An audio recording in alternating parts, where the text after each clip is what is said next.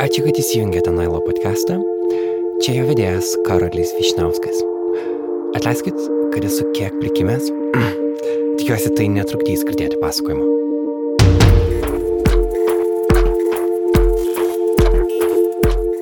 Iš to karjeros nepasidarysi, dar Lietuvoje niekas nepasidarė e, karjeros iš to, kad tu atsistojai blokuoti nacijų eisenos.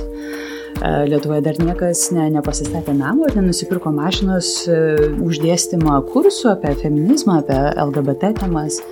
Ir žmonės tiesiog natūraliai daro tam tikrus pasirinkimus. Šiandien turime jums lauktuvių iš Junktinių Amerikos valstijų. Sausį ten kalbėjausi su akademike, LGBTQ aktyvistę, buvusią Delfi kolumnistę Lina Šigelytę. Šiame epizode išgirsite retą interviu su ją. Prieš persikeliant pas Liną noriu padėkoti klausytojams ir klausytojoms, kurios palaiko podcastą per Patreon platformą. Nuo praėjusio karto prisijungė Justina Mitskonytė, Skaistė Mičiulytė, Domantas, Nikitas Šipakov, Jeva ir Monika. O savo skiriamas sumas padidino Emilija Jokubauskaitė ir Asta Smagurauskaitė. Ačiū Jums, Jūs leidžiate mūsų žurnalistikai aukti ir būti nepriklausoma. Taip pat atskira padėka nuo mūsų komandos eina kūrybiniai studijai autoriai. Vieną dieną gavome jų laišką sakantį, kad mes norime prisidėti prie jūsų veiklos, mes tikime bendruomenėmis, nesušukuotomis temomis, nesurežisuotai žmonėmis. Autoriams rūpi, kas dadasi ne tik čia, bet ir ten, už kiemo, centro, rajono, miesto ribų.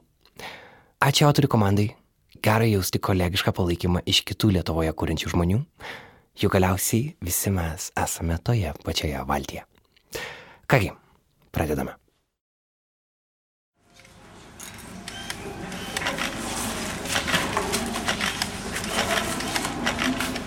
Kai aš išvažiuoju, man sako, būk geltona, žalia, raudona, Skamba ištrauka iš Lina Žikelytės performanso pavadinimu Tapimas Lietuva. Kai žudo mano geismus, man sako būk geltona, žalia, raudona. Kai baisu išeiti į gatvę, man sako būk geltona, žalia, raudona. Vilniaus kultūros nakties metu požeminėje automobilių aikštelėje Lina nusidažė kūną Lietuvos vėliavos spalvomis, sakydama savo eilės kaip komentarą apie tai, kaip ribojantis lietuviškumo naratyvas pasiglemžia žmonių kūnus ir jų asmenybės. Tai buvo 2012 metai, kai menas ir politika Lietuvoje dar daugelio buvo matomi kaip atskiri dalykai.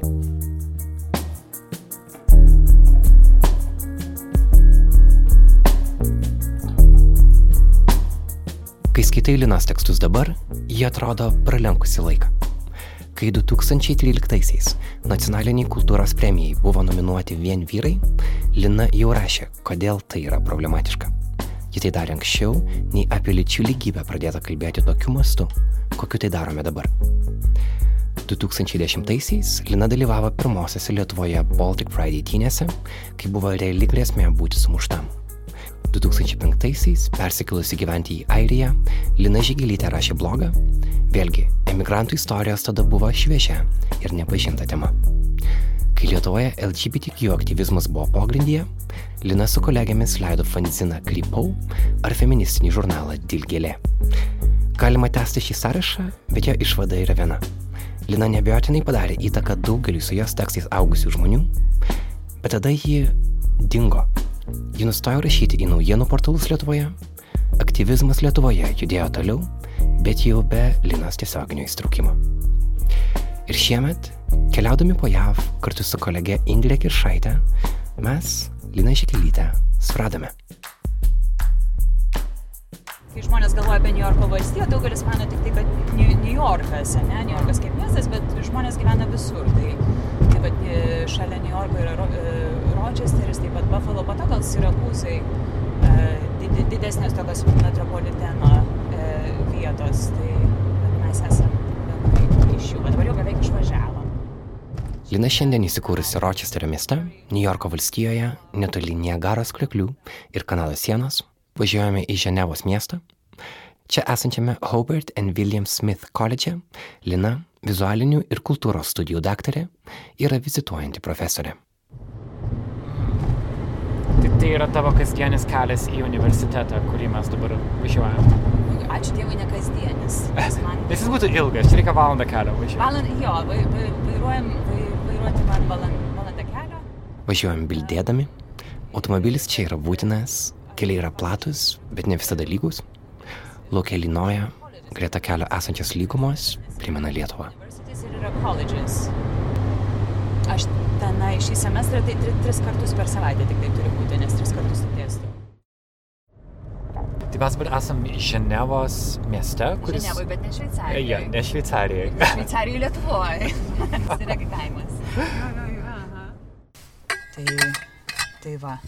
Supratau. Gerai, tai einam vidun. We're just fooling around. Hi. You- you- you- yeah, they are, but they- they're not. I They, these are, I'm, I teach here, but these are these are journalists. These are like the. so, don't mind it.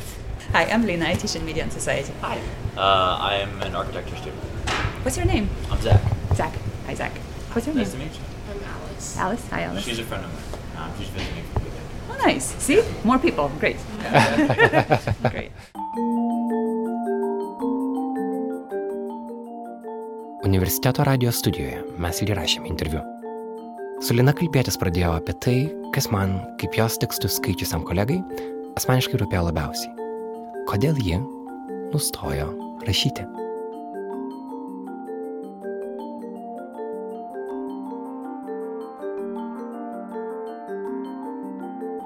Galima būtų klausti, kodėl um, žmonės, kuriuos gal buvo galima girdėti viešoje erdvėje arba matyti tam tikrose protestuose, ir jūs neseniai darėt e, epizodą apie protesto kultūrą Lietuvoje, kodėl jų tarsi nebėra viešoje erdvėje, nes, nes žmonės turi, turi sveiką protą ir visų pagrindinis instinktas yra išlikimas.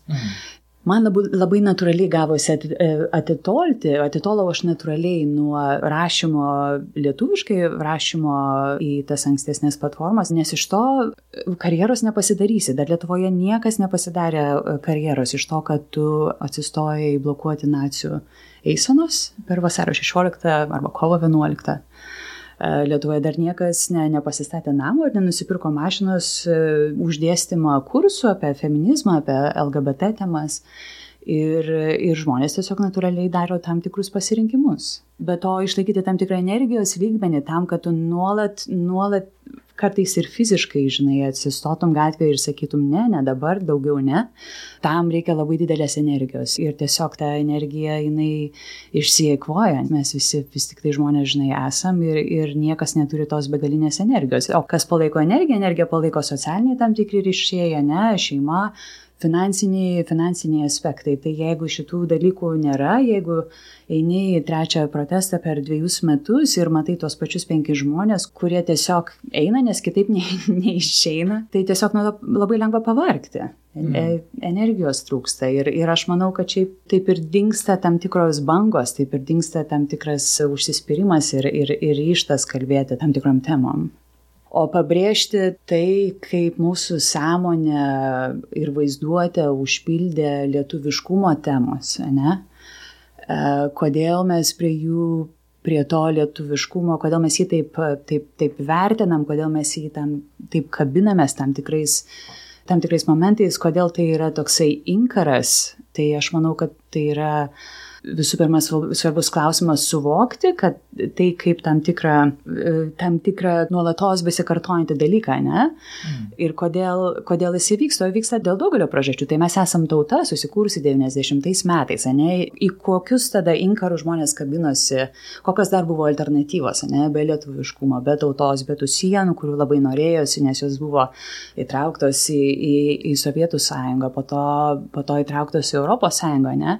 Tai tas lietuviškumo e, branginimas ir geismas ir laikymasis to lietuviškumo bet kokiom priemonėm, tai aš manau, kad tai iš dėlies tam tikrą prasme, žinant mūsų istoriją, yra, yra natūralus, kita vertus tas geismas ir ta saugumo paieška, saugumo Lietuvai, saugumo savo, kaip, kaip lietuviui Lietuvoje, jinai yra nenauja Lietuvoje ir mes žinom, kaip, kaip prie ko jinai privedė. Ne? Lietuva buvo pirma šalis, kurioj buvo suvokta, kad įmanoma žmonės žudyti masiškai ir neturėti jokių pasiekmių mano žmona yra iš, iš Lietuvos, jos šeima iš, iš Lietuvos yra kilusi, tai kažkaip tai man tiesiog neišeina negalvoti apie tai, kaip žmonės kabinasi į tą lietuviškumą, lietuviškumo e, temas.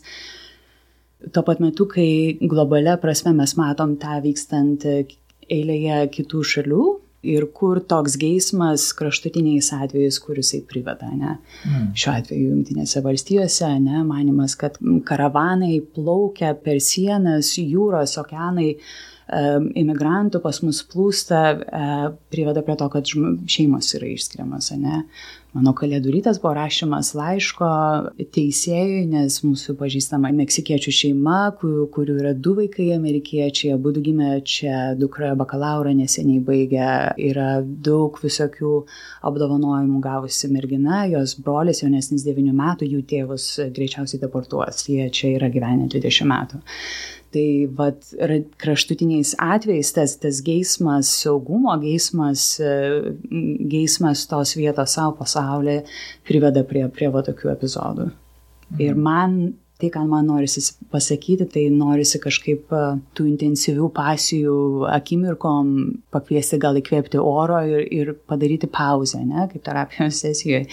Ir šiek tiek pareflektuoti, kodėl mes taip kabinamės to lietuviškumo, kodėl mes jo taip geidžiam ir kur gali mus atvesti šitie pat intensyvūs jausmai apie Lietuvą, apie lietuviškumą.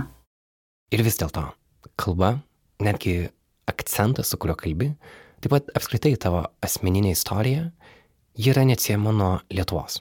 Man buvo įdomu sužinoti, kaip Linai pavyko atrasti santykį su savo lietuviškumu, neleidžiant jo pasiglemšti nacionalistiniam naratyvui. Tai žinai, daugam tos savos e, istorijos arba to, kam tu priklausai momentas prasideda nuo to, kad tu atsiverti savo pasą, ne?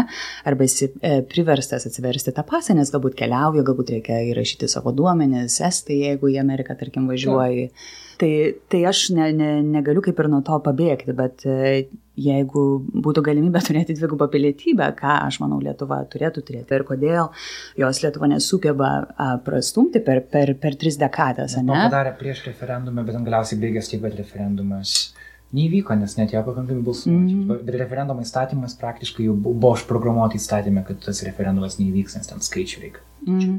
Ir aš žinau, kad tą referendumą organizuoti irgi buvo pradėta šiek tiek per, per, per keistus kampus ir, ir jį kaip ir nuhakino šiek tiek žmonės, kurie nei su migrantais turi, turi kažkokių pernelik didelių uh, ryšių, bet uh, apie šaknis, ne? Tai mano istorija natūraliai, ne, išplaukia, aš, aš pradedu kalbėti, uh, tarkim, angliškai su savo studentais ir akcentas natūraliai iškrenta. Mhm. Aš atsimenu, kai aš gyvenau Airijoje, aš žudbūt stengiausi kaip ir bėgti nuo akcentuotos uh, E, kalbos, ne, kaip tam tikro tokio ženklo, tarsi būčiau pažymėta, žinai, kad tu, tu esi ne, ne iš čia, tu esi ne vietinė. Mhm. Um, tu norėjai būti vietinė. E, ne tik, kad vietinė, aš norėjau galbūt e, praeiti, pesinti, ne, Aha. kaip ir kamufliažą tam tokį, tam tokį lingvistinį daryti, tam, kad uh, įplaukčiau į tą bendrą, bendrą kontekstą, ne, Airijos 2005 metais, kai atvažiavau į, į Dubliną. Aš dabar pradėjau šiaip, šiaip tai vengti slėpti akcentą per daug, nors e, mano anglų kalba pakankama, kad jisai pernelik ir neišlystų galbūt. Įdomu tai, kad Amerikoje, pavyzdžiui, 25, man atrodo, procentai balsuojančių už republikonus, jie jaučiasi nepatogiai šalia žmonių, kurie kalba kitą kalbą ne anglų, ne. Buvo, nežinau, kiek iki, iki Lietuvos tokie sentimentai atplaukė, bet buvo labai nemažai arba periodiškai pasitaiko tokie epizodai, e, kur žmonės socialinėse medijose dalinosi, nes jie stovėjo eilėje, laukia e, sumokėti kasoj už prekes, pradėjo kalbėtis, tarkim, ispanų, dažniausiai tai būna ispanų mhm. kalba ir, ir, ir visada atsiranda um, balta vyresnio amžiaus moterėlė, kuri arba, arba vyras, kažkas, kam staiga pasidaro nepatogu, ne, nes nežino, apie ką, apie ką kalba. Um, o mes esam ganėtinai ir, ir demog, demografiškai, ir lingvistiškai labai, labai turtingoje šalyje, ne? Tai kaip ir turėtų būti natūralu girdėti akcentus, ne? Bet, bet daugam tai yra nepatogu. Tai aš savo akcento kažkaip gal nustojau, aš po truputėlį slėpti, Dėl to, kad, man atrodo, tu bandai pasakyti, kad nuo lietuviškumo nepabėgsi, ar ne?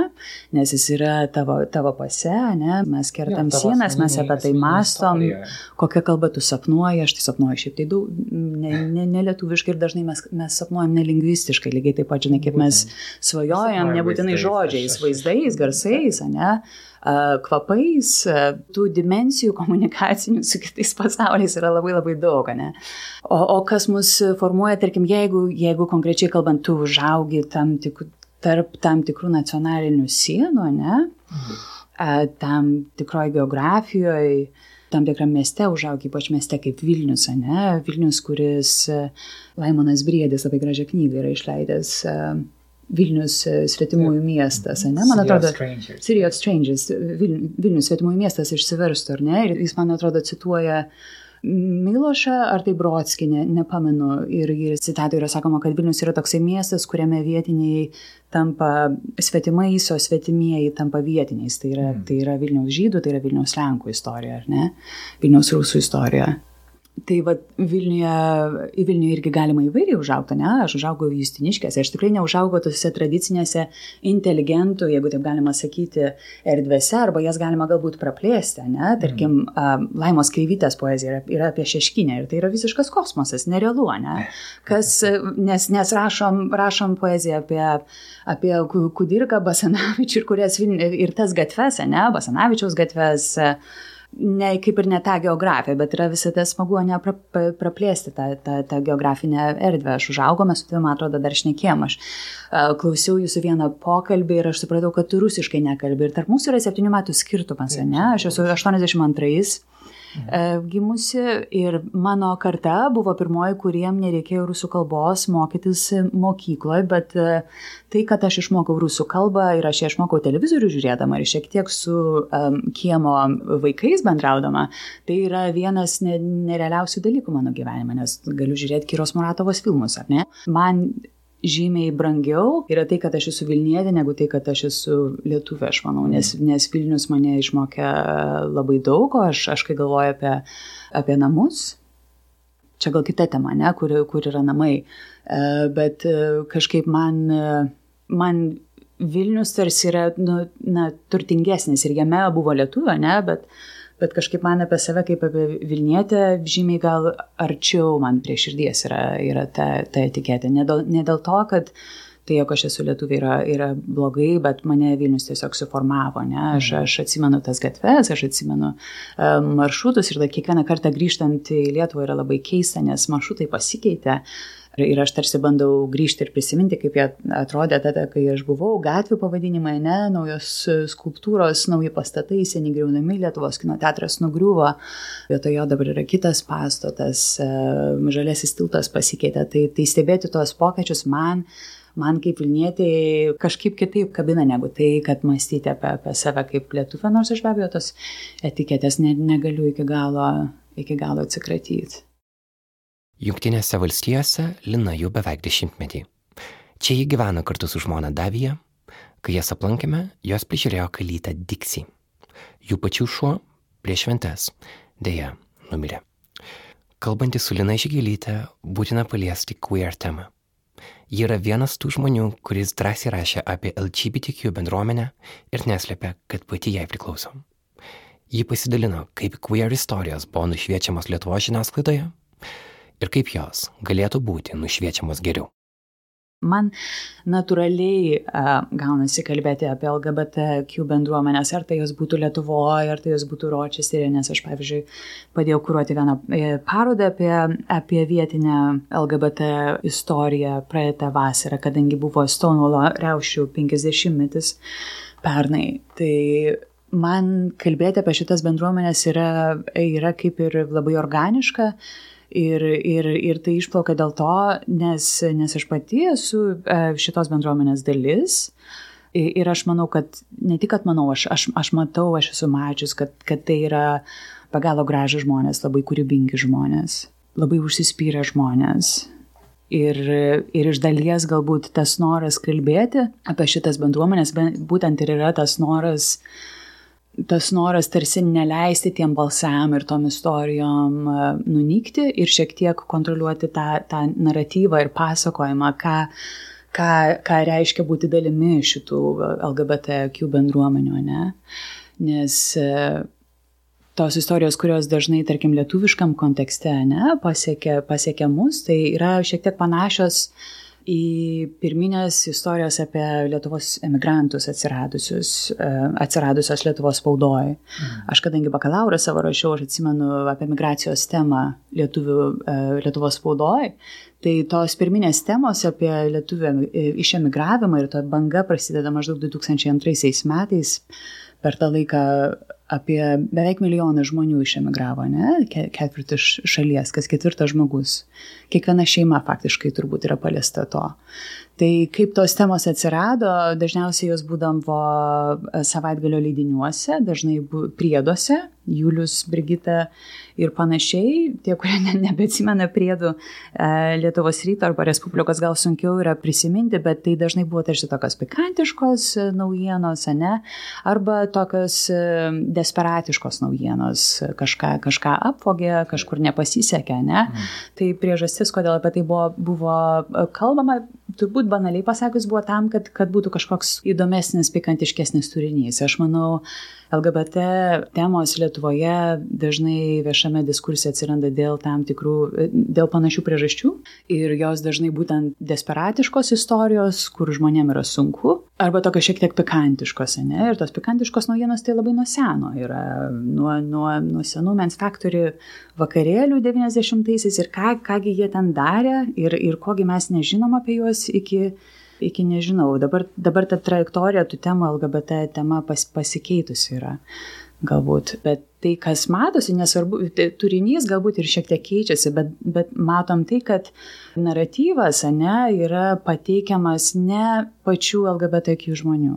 Mhm jis pristatomas galbūt kai kuriais atvejais šiek tiek e, empatijos jaučiančių autorių, Taip. kai kuriais atvejais galbūt tų, kurie e, kaip tik absoliutiškai ne empatiją turi. Mane galbūt vienas pirmų momentų, kai aš pagalvojau, kad gal nebereikia Lietuvoje rašyti ir reikšti žiniasklaidoje buvo, kai mane kvietė į radio laidą su Julium Panka pakalbėti LGBT temom. Julius hmm. Panka gal dabar dingęs iš, iš, iš horizonto, bet, bet jisai buvo vienas iš kaip ir drąsiau save reiškiančių nacionalistų.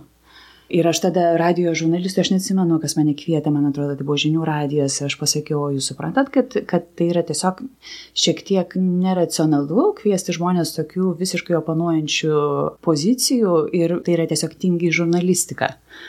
Taip, nes, ir kartu nes, pastatymas, kad tai yra oponuojančias pozicijas, taip, kad tarsi štai yra vienas požiūris, bet yra ir kitas tas požiūris. Tas žinai, kad daryti degustaciją, tau, tau padėti šaukštą cukraus, šaukštą druskos, dabar ragaukime ir čia yra mūsų degustacija, ne? Taip. Tai, tai tiesiog yra e, elementari tinginystė, aš manau tinginystė, kuri galbūt e, iš dalies ir, ir iš to yra, kad mes kepam tas istorijas, nes daug kas yra freelanceriai, trumpi greiti kontraktai, akis dega, greitai reiškia, reikia kažką leisti, nes nespėsim, taip, taip. kitaip nespėsi į, į paskutinį traukinio vagoną. Ne?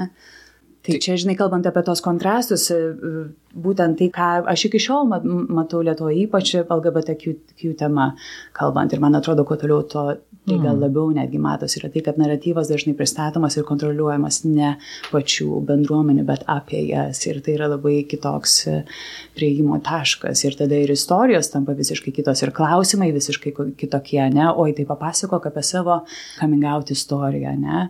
Tai, tai kaip ten buvo sunku ir kaip dabar lengva. Aš manau, kad yra taip lengva supaprastinti gyvenimą Ir gyvenimas yra žymiai daugiau negu kaip kažkada buvo sunku, kaip kažkada lengva. Šiaip Amerikoje yra katastrofiška situacija LGBTQ žmonėm. Mano, e, mes va dabar sėdim koledže, ne? Pro langus beveik man matosi ofisas mano vienos kolegės, kuri su partnerė turi du vaikus. Um, jos, kai važiuoja į Floridą aplankyti savo šeimą, jos važiuoja su paketu dokumentų. 10 gal centimetrų storio, nes tai yra jų įvaikinimo dokumentai kadangi Floridoje yra, yra kitokios taisyklės negu New Yorko valstijoje tos pačios lyties įvaikinimam ir jos vešasi tuos popierius tam, kad, tam, kad niekam nekiltų nereikalingų klausimų apie, apie, apie jų šeimą ir, ir, ir, ir tai, kad e, jos abi yra mamos. Mm. Ne? Amerikoje pusė benamio jaunimo yra LGBTQ. Rimtai. Floridoje tai yra apie 65 procentai. Didžioji dalis šitų o kaip, jie, kaip benamių. Jie tampa benamiais, jie tiesiog... Nu, kaip patampa benamiai, tu nerandi, nerandi namų. Ta, ta, ta prasme, tėvai, iš, tėvai, tėvai, tėvai, tėvai išmeta iš namų, um, tu, o, tu tiesiog ne, ne, nebesitaikai. Tai, tai, tai va, o nežinom dėl to, kad mes tuos pačius kaip ir klausimus, sukam tą pačią plokštelę, ne? tai kaip, kaip kažkas išsikamigautino ir dažnai mes supaprastinam tas istorijas iki individuo, bet Taip. mes taip pat esame ir bendruomenių dalis, ne, šiuo atveju e, gali išgirsti kažkieno išsikamigautinimo istoriją, bet, bet ką tu žinai daugiau apie pačią LGBTQ bendruomenę. Ir galbūt girdėjai apie Stonolo e, riaušėse, ne, New Yorko, New Yorko Ta. centre, bet e, jeigu pasižiūrėtum į nuotraukas darytas porą dienų prieš, prieš, prieš tas riaušės, nuotraukos žmonių, kurios buvo prie to baro, kuriame, e, kuriame įvyko ne pirmasis, bet vienas iš, iš pirmų pasipriešinimų policijai, kadangi policija būlino, būlino barą, jame rinkosi LGBT žmonės, tai tose nuotraukose yra jaunimas, labai daug jaunimo, 20 mečiai, jaunesni, daugelis jų buvo, buvo nebalti. Ir vieni pirmųjų bendruomenių telkėjų, 60 metais buvo būtent žmonės, kurie dirbo su benamiais daug ir benamių jaunimu.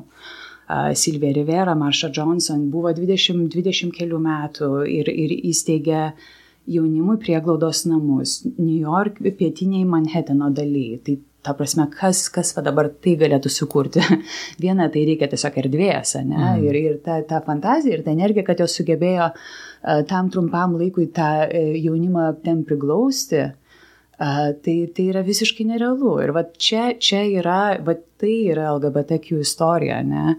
Beprotiškai galinga en, en, energija e, telkti, kreipti labai daug dėmesio į, į, į, į labiausiai į, į paraštės nu, nustumiamas patirtis ir balsus. Ir, ir, ir gebėjimas žmonės kažkaip nešti draugę su savim ir nešti vienas kitą. Mane šiaip e, per, per, per tokius sunkesnius laikotarpius mane būtent dažnai ir išneždavo LGBTQ žmonės. E, ne, ne tik tai mano, mano partnerė, ne, bet, bet ir draugai. Ne? Ir e, tiesiog tas noras kalbėti apie bendruomenę ir šitom temom yra būtent kyla iš, iš, iš, iš šitų patirčių, ne? nes tave kažkas išneša, kažkas tave mm. pervedė per, per sunkų laikotarpį ir tau tiesiog norisi draugė būti su tai žmonėm, kažką daryti kūrybingo, galbūt dažnai laikino, bet palaikyti tą energiją, nepaisant visko, kas, kas galbūt vyktų. Mm um, aplink. Kažkaip rezonuoja, pamenu, kaip Juratį Iškaitė mūsų podcast'į sakė, kad sako, uh, sako, gal nuskambės kažkaip čia nacionalistiškai, bet sako, jaučiu, kad vat, queer žmonės yra mano tauta, kad queer nation yra jos nation. Tai Taip. kažkaip atrodo, kad, kad Jo, namai. galbūt tai yra namai. Tai yra, taip, ir, ir, ir tos geografinės sienos, tos tautinės sienos čia nebegalioja, čia galioja jūsų bendros patirtys. Ir tu tarsi sukuri bendruomenę ant pagal kitus kriterijus.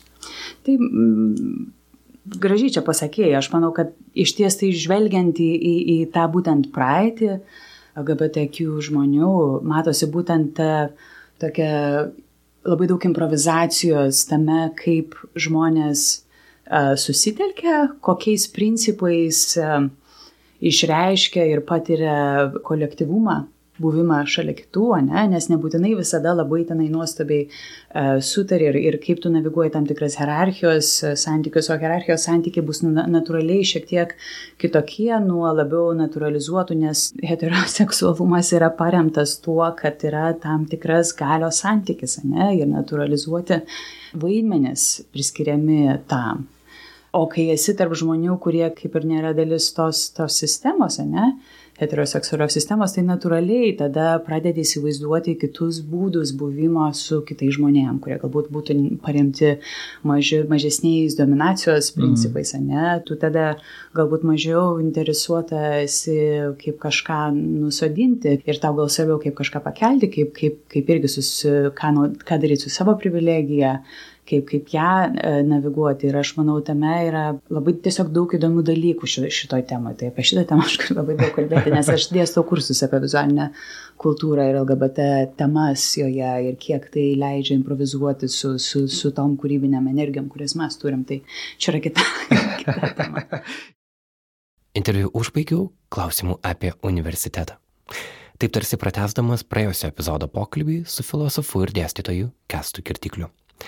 Dalis kritikų sako, kad šiandienos universitetai nusisuka nuo mokslo ir tampa aktyvistų ruošimo vieta, kad vadinamųjų safe spaces, saugiųjų erdvių kūrimas prieštarauja studentų kaip asmenybių brandai, kad universitetuose per daug dėmesio skiriama politikai ir per mažai mokymuisi. Įdomu, ką Lina apie tai galvoja. Tai šiaip mes esam koledže, kuris yra dauguma studentų yra, yra balti, labai nemažai studentų ateina iš labai privilegijuotų šeimų. Nebalti studentai mūsų šitam koledže sudaro apie 18 ar tai 17, man atrodo, procentų. Panašiai yra su dėstytojais čia dirbančiais apie 16 Ir 17 turbūt, kad įdėtume šitą skaičių į kontekstą, bendrai JAV visuomenė, jeigu neklystu, apie 60 procentų yra, 60 versus 40 procentų yra balti žmonės ir žmonės skirtingų etinių tapatybių. Tai vadinasi, kad universitetas yra labiau baltas negu bendrai JAV visuomenė. Tai va čia yra toks didesnis kontekstas, kita vertus pagal dabartinės demografinės tendencijas, maždaug 2050 metais balti žmonės nebebus dauguma Mhm. Amerikoje. Mhm. Ir būtent dėl šitų skaičių dabar ir vyksta tiek daug e, sentimentų prieš imigrantų bendruomenės, prieš latino bendruomenės, prieš juodų žmonių bendruomenės, nes galios santykis pasikeis. Maždaug 2050 metais balti žmonės nebebus pagrindinė demografinė grupė šitoj šalyje. Tai aš, kai studentam, aš dažnai pir, pir, pirmosiose paskaitose dažnai pasakau, kodėl uh, šitas, šitas skaičių mes apie jį kažkaip pakalbam. Ir pirmom, e, pirmose, per pirmas savaitės ir per paskutinę savaitę, aš maždaug primenu tą pačią temą, aš sakau, jūs iš ties dažnai išgirsite šitą frazę, kad galbūt uh, išsilavinimas, koledžas, ne, jum uh, transformuos jūsų požiūrį, galbūt jūs čia busite rekrūtais padaryti, kairuoliškų pažiūrų. Šiaip statistika ir mokslas rodo, kad didžioji dalis studentų jau ateina į į aukštąjį mokslą suformavę savo pažiūras. Ir tas pažiūras formuoja visų pirma šeima, po to draugai ir tada, tada aplinka, tai turbūt mokykla būtų. Mhm. Ir iš ties e, labai nedaug jaunimo pakeičia radikaliai uh, savo, savo nuomonę atėję į koledžą. Statistika rodo, kiekvienais metais uh, Kalifornijos universitetas daro tokią didelę suvestinę studentų politinių pažiūrų ir šiaip iš ties tai pusė studentų tenden, tendencingai metai iš metų, jie save uh, apibūdina kaip ganėtinai nuosaikių politinių pažiūrų. Mhm. Apie 50 procentų. Ir tada e, dar prisideda gal 10, 10 procentų, kurie sako, jie yra ganėtinai kraštutinių dešinių pažiūrų, tie žmonės, kurie sako, kad jie yra ganėtinai liberalių arba kairuoliškų pažiūrų, apie 25 arba 30 procentų. Šitos skaičius galima, galima patikslinti. Kita vertus, studentai ateinantis į, į koledžius, jie ateina jau su ganėtinai tokiam nu, nusaikiom pažiūrom, o, pa, o pažiūros jų nusaikios, nes jiem už nieką dar nereikėjo kovoti. Ne? Jie dar nemokėjo mokesčių. Kaip nusaikas pažiūros, ar turime centristinės pažiūros, kad tu daug maž toks... Moderate, ten taip ir yra. Tarsi neturi, neturi nuomonės apie dalykus. Moderate, mod, moderate political views, ten taip ir parašyta. Aha um, kaip tas e, terminas gali būti interpretuojamas, tai čia, tai čia yra galbūt kita atskira tema, ne? Bet dauguma studentų jie tiesiog ateina, nes jie, jie gyvena iš tėvų pajamų, jiems nereikia, nei reikia mokėti nei už sveikatos draudimą, nei, nei, nei už nieką. Aš esu klausiusi pernai savo bakalauro, kurie baiginėjo universitetą, ar jie kada nors yra buvę proteste ir iš 14 studentų, keturi, man atrodo, sakė, kad jie kažkada yra buvę. Viena, viena studentė netyčia, kaip ir įplaukė į Black Lives Matter um, demonstraciją New York'e ir po to dar buvo por, pora studentų, ne, su tokiam patirtim. Tai jų pažiūros formuojasi daugelio, ne, ir jiem galbūt nereikėjo už daug ką dar kovoti, bet kita vertus, jie jau yra kita karta negu tie, kurie penktadieniais išeina iš mokyklų dėl klimato kaitos, ne, ir protestuoja, tai galbūt galėtų būti jų jaunesni um, broliai sesės. Mm. Ne? Ir būtent ta karta, kurie galbūt dabar vis dar yra mokykloje, ne, kurie dar tik ateina į universitetus, e, yra ta karta, kuri organizuoja didelius e,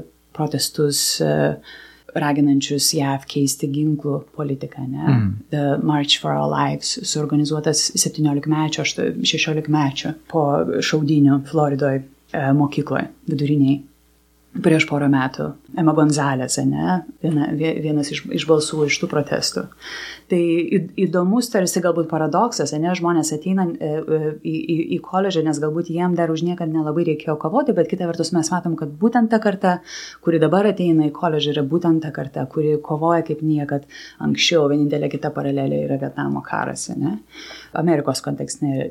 Tas pats laikotarpis, kai Amerikoje pakeistas buvo balsavimas, nes balso teisė suteikta 18-mečiam, kadangi 18-mečiai galėjo įti kariauti ir jie galėjo mirti už savo, už savo šalį, bet jie neturėjo teisės balsuoti. Mm. Vienas iš Junktinių mm. valstybių konstitucijų pataisų yra būtent, būtent iš to laikotarpio, nes e, pradėjo sakyti jaunimas, jeigu mes galime mirti už savo šalį, mes norime ir balsuoti už savo valdžią. Yra šiek tiek organizavimo JAV šiuo metu tarp tų pačių moksleivių, kad galbūt 16 mečiai galėtų balsuoti, nes dabartinis jaunimas, tai vyko šiaip su Obamos pirma, pirma kadencija, dar niekada tiek daug jaunimo nebalsavo, tai kad pernai ar užpernai, kada čia buvo paskutiniai rinkimai į, į kongresą, vėlgi tai, kad jaunimas balsavo yra, yra priežastis to, kad kongresas šitaip kardinaliai pasikeitė. Dar niekada nebuvo išrinkta tiek moterų, dar niekada nebuvo išrinkta tiek nebaltų moterų, nes jaunimas išėjo ir pradėjo balsuoti ir žmonės balsuoja žmonės, kurie atrodo taip kaip jie.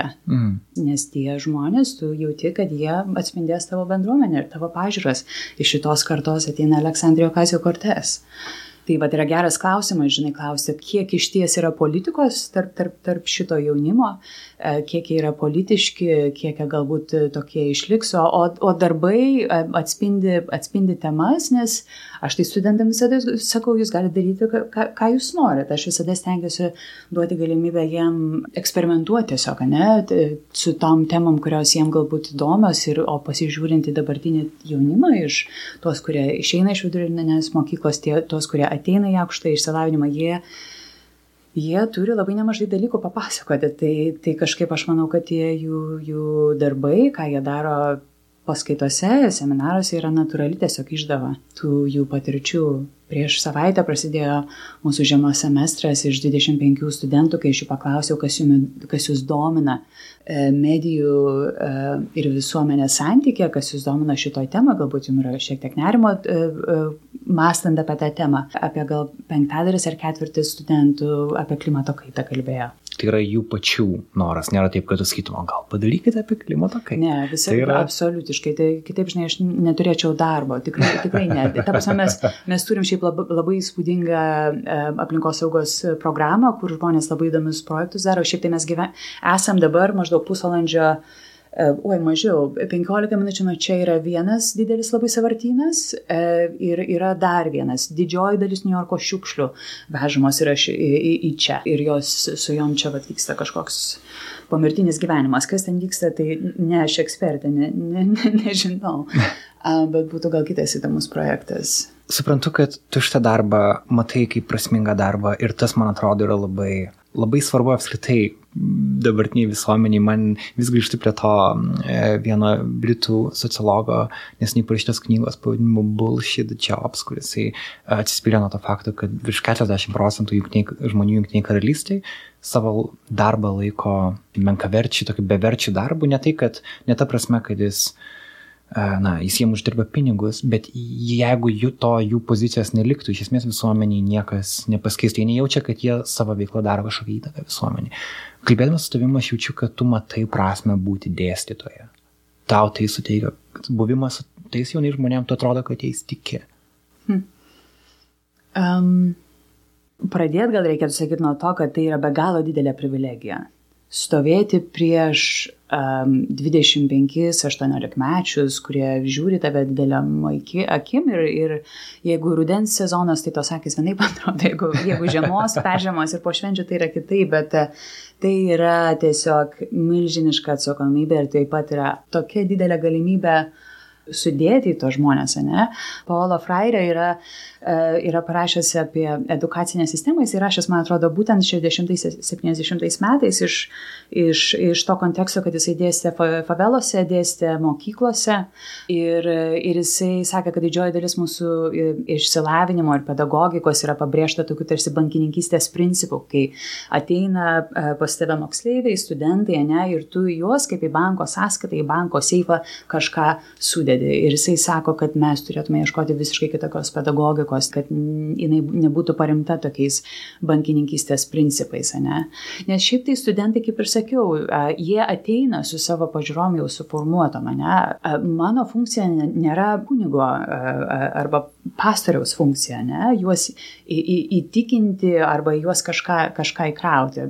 Ir studentam, kada įdomiausia pasidaro, yra tada, kai jie gali patys e, tyrinėti, nagrinėti ir per tą tyrinėjimą patys ateiti iki tam tikrų temų. Ir, ir studentai ateina, jeigu tiesiog tu sukeri tam tikrą erdvę ir keli tam tikrus klausimus, o ne, čia kaip uh, O pavyzdžių viešpatė, tokių, galvoju, kokį čia komišką, žinai, pavyzdį, kur tai čia kaip aš studentų klausiau, o kai rašot popierius, e, rašto darbus koledžui, kur jūs juos išsaugoti ir sako, nu, ten kompiuteriuose, internete, aha, gerai, o internete, jeigu išsaugoti, tai kur konkrečiai internete? Nu, Google Docs, ne, tai viena, mm. viena kompanija prisimena, aha, gerai, sakau, tai kur Google Docs gyvena? Internete. O sakau, kur internete? Nu, in the cloud, debesyje, ne, o sakau, kur tas cloud, cloud gyvena. Mm, in the sky. Tai ir, o po to pradedam šnekėti, kad visa ta medija, medijų pasaulis, kurį mes vis labiau labai efemeriškais terminais suprantam, ne? nes, nes laidukų nebematom, nebematom tos materialinės bazės, tada pradedam kalbėti apie duomenų centrus, ne? tada aš juos nuvedžiau į rūsį mūsų, mūsų bibliotekos ir parodžiau, kaip tas duomenų centras atrodo ir, ir pasirodo, kad mums reikia tų fizinių, fizinių erdvių su tom, su tom spintom ir tai šaldytuvai, su, su, su serveriais ir tos serverius reikia nuolat atnaujinti ir backupus daryti, nes, nes išveža kas iš mūsų koledžo kas mėnesį kompanija, kuri dirba prie Rochesterio, jie turi savo saugyklą dalykas. Ir, ir staiga, žinai, studentai pradeda suprasti, žinai, kad tai, kas galbūt atrodo labai toks efemeriškas pasaulis, žinai, viena, jie, jie visi priklauso nuo vienos kompanijos, Google, ne? Mm. Ir po to pasirodo, kad tiek yra daug tų materialinių aspektų, kurie nulėmė tą jų medijų vartojimo pasaulį. Ne? Daugiau negu 50 grinų medžiagų yra mūsų iPhone'uose, smartphone'uose. Ne? Mhm. Keturiem ar trim elementam iš jų nėra, nėra plano B, nes Žemė tiesiog neturi tiek resursų kas bus, kai tie resursai pasibaigs, ne? Tai o tada studentai pradeda kalbėti apie klimato, klimato krizę, bet tai tu sukuri tam tikrą atmosferą, tam tikrą orą, ne? Tonaciją, tam tikrą melo, melodiją gal, gal, gal užduodi, o, o, o jie patys po to, būtent per to, žinai, tyrinėjimus jie, jie atranda, kas jiem įdomiau. Čia, tu žinai... duodi ta, tas žinias, kurių neduoda iPhone reklama jiems. Na, galbūt. Arba kai tik žiūrime reklamas ir žiūrim, kokia yra ta vizija, kokia yra ta melodija, kurią, kurią sukuria. Bet žiūrim ir kas ne? nepasakyta. Mm. Kodėl, to... kodėl balti yra uh, speakeriai pirmieji visų tų per balso kontroliuojamų asistentų, ne? Kad tai yra Garas kai kurie ir, ir, ir, ir ir, ir kodėl, Aleksai, ir, kodėl Aleksai yra moteris? Balsą gali šiaip tai pasikeisti. Kodėl, kodėl okay. default balsas iPhone operaciniai sistemai yra moteris? Kodėl Siri yra moteris? Uh, ir, ir žinai, kodėl Aleksai yra moteris ir, ir šitie visi kyborgai, kurie yra moteris, jų yra istorija sena kaip pasaulis. Mm. Aš, aš ne, nemanau, kad mano yra užduotis ten kažko labai išmokyti, bet mano man pačiai aš daugiausiai pasitenkinimo savo darbu jaučiu tada, kai, kai, kai drauge kažkas yra tyrinėjama. Ir šiaip tai aš išmokstu iš jų lygiai taip pat, kaip jie galbūt išmoksta iš manęs. Aš studentam, kai jeigu, bet yra toks labai geras argumentas, jeigu akademikam arba šiaip politiškai angažuotėm žmonėms sakoma, kad va, čia jau kažkam plaunat smegenis su savo politiniam pažiūrom, tai aš studentam visada sakau, aš, aš man vos pavyksta jūs įtikinti uh, užduotus uh, skaitimus tam tikrai paskaitai suskaityti. Tai aš tikrai negaliu transformuoti jūsų politinių pažiūrų šitaip radikaliai. Beveik neįmanoma man labai radikaliai kažko tenai pakeisti. O kita vertus, jeigu žmogus yra e, žingeidus ir, ir nuoširdžiai e, ieško, tai prisikapstys prie, prie, prie, prie, prie temų, kurios galbūt niekada iki tol ne, nebuvo jų orbitoje.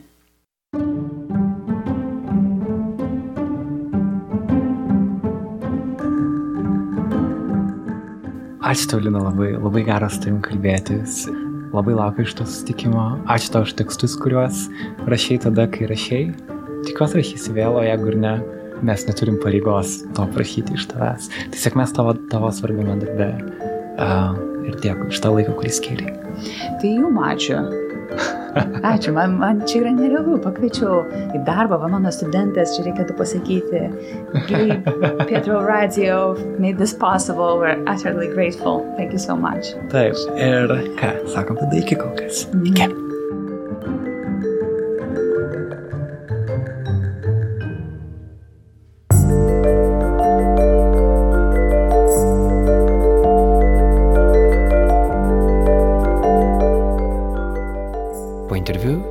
išėjome pasivaikščioti, padariau keletą jos portretų. Pamatykite juos Nail.lt ir Nanuk Instagrame. Nail.lt tinklalapyje taip pat sudėjau daug nuorodų į ankstesnius Linos Žygelytės rašinius ir jos studentų darbus. Kviečiu paskirti laiko ir juos pažinti. Ačiū koledžo studentui Gabriel Pietro Racijo už pagalbą rengiant įrašą ir taip pat kolegiams Martinai Šulskutį ir Kati Bitoft, kurios įrašą redagavo. Mano studijinį balsą įrašinėjame nacionalinės Martino Mašvido bibliotekos garso įrašų studijoje. Podkasto muzikos autorius yra Martinas Gailius, podkasto fotoredaktorius yra Artūras Morozovas. patreon.com slash nanuk multimedia. Šiuo adresu galite prisidėti prie Nailo podcastų išlaikymo finansiškai. Mūsų 100 dolerių patronai yra Blossom Boot Foundation. Linkėjimai jiems į Alabamą. Kas šiame epizode patiko, kas nepatiko, kokių temų norėtumėte daugiau, viską parašykite į info.nanuk.lt arba tiesiai man į Facebooką. Reakcijos visada yra laukiamos ir mums labai labai reikalingos. Ačiū už jas. Mano vardas yra Karolis Višniauskas. Nailo podcastas sugrįž kitą antradienį su naujomis temomis. Iki greito.